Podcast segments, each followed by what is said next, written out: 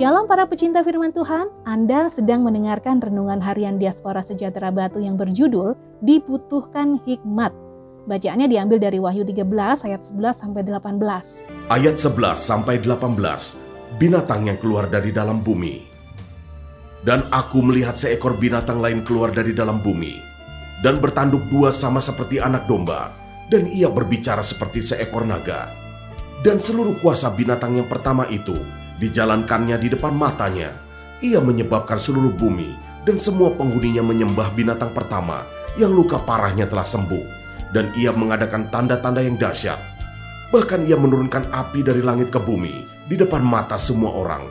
Ia menyesatkan mereka yang diam di bumi dengan tanda-tanda yang telah diberikan kepadanya untuk dilakukannya di depan mata binatang itu.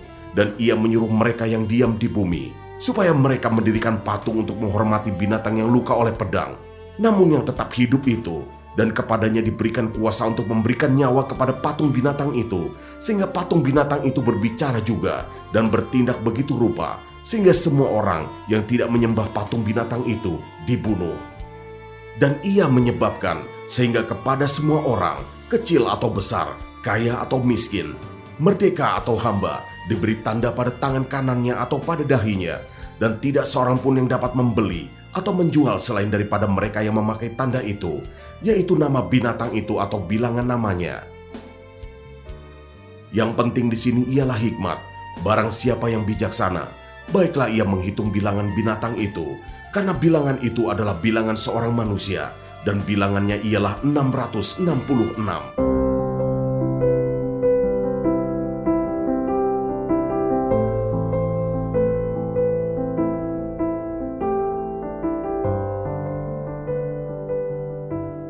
Yang penting di sini ialah hikmat. Barang siapa yang bijaksana, baiklah ia menghitung bilangan binatang itu karena bilangan itu adalah bilangan seorang manusia dan bilangannya ialah 666.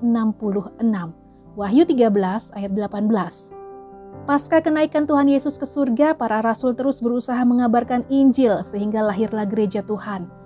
Namun, orang-orang yang disebut Kristen tersebut terus mendapatkan tekanan baik dari pihak agama Yahudi maupun dari pemerintahan Romawi.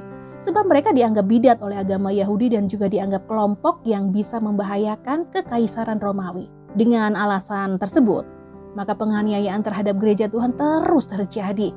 Bahkan banyak orang percaya harus menjadi martir Tuhan. Saat itu, setiap orang percaya harus menjalani kehidupan dengan bijak jika ingin tetap hidup dan tetap beriman kepada Kristus. Mereka tidak bisa dengan terus terang melakukan aktivitas hidup keagamaannya. Dengan kondisi yang demikian, maka hikmat Tuhan sangat diperlukan dalam kehidupan gerejanya.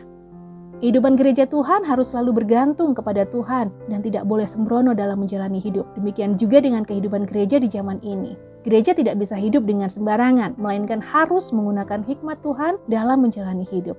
Mengapa demikian? Karena penyesatan dalam gereja di zaman modern masih tetap dilakukan oleh si jahat.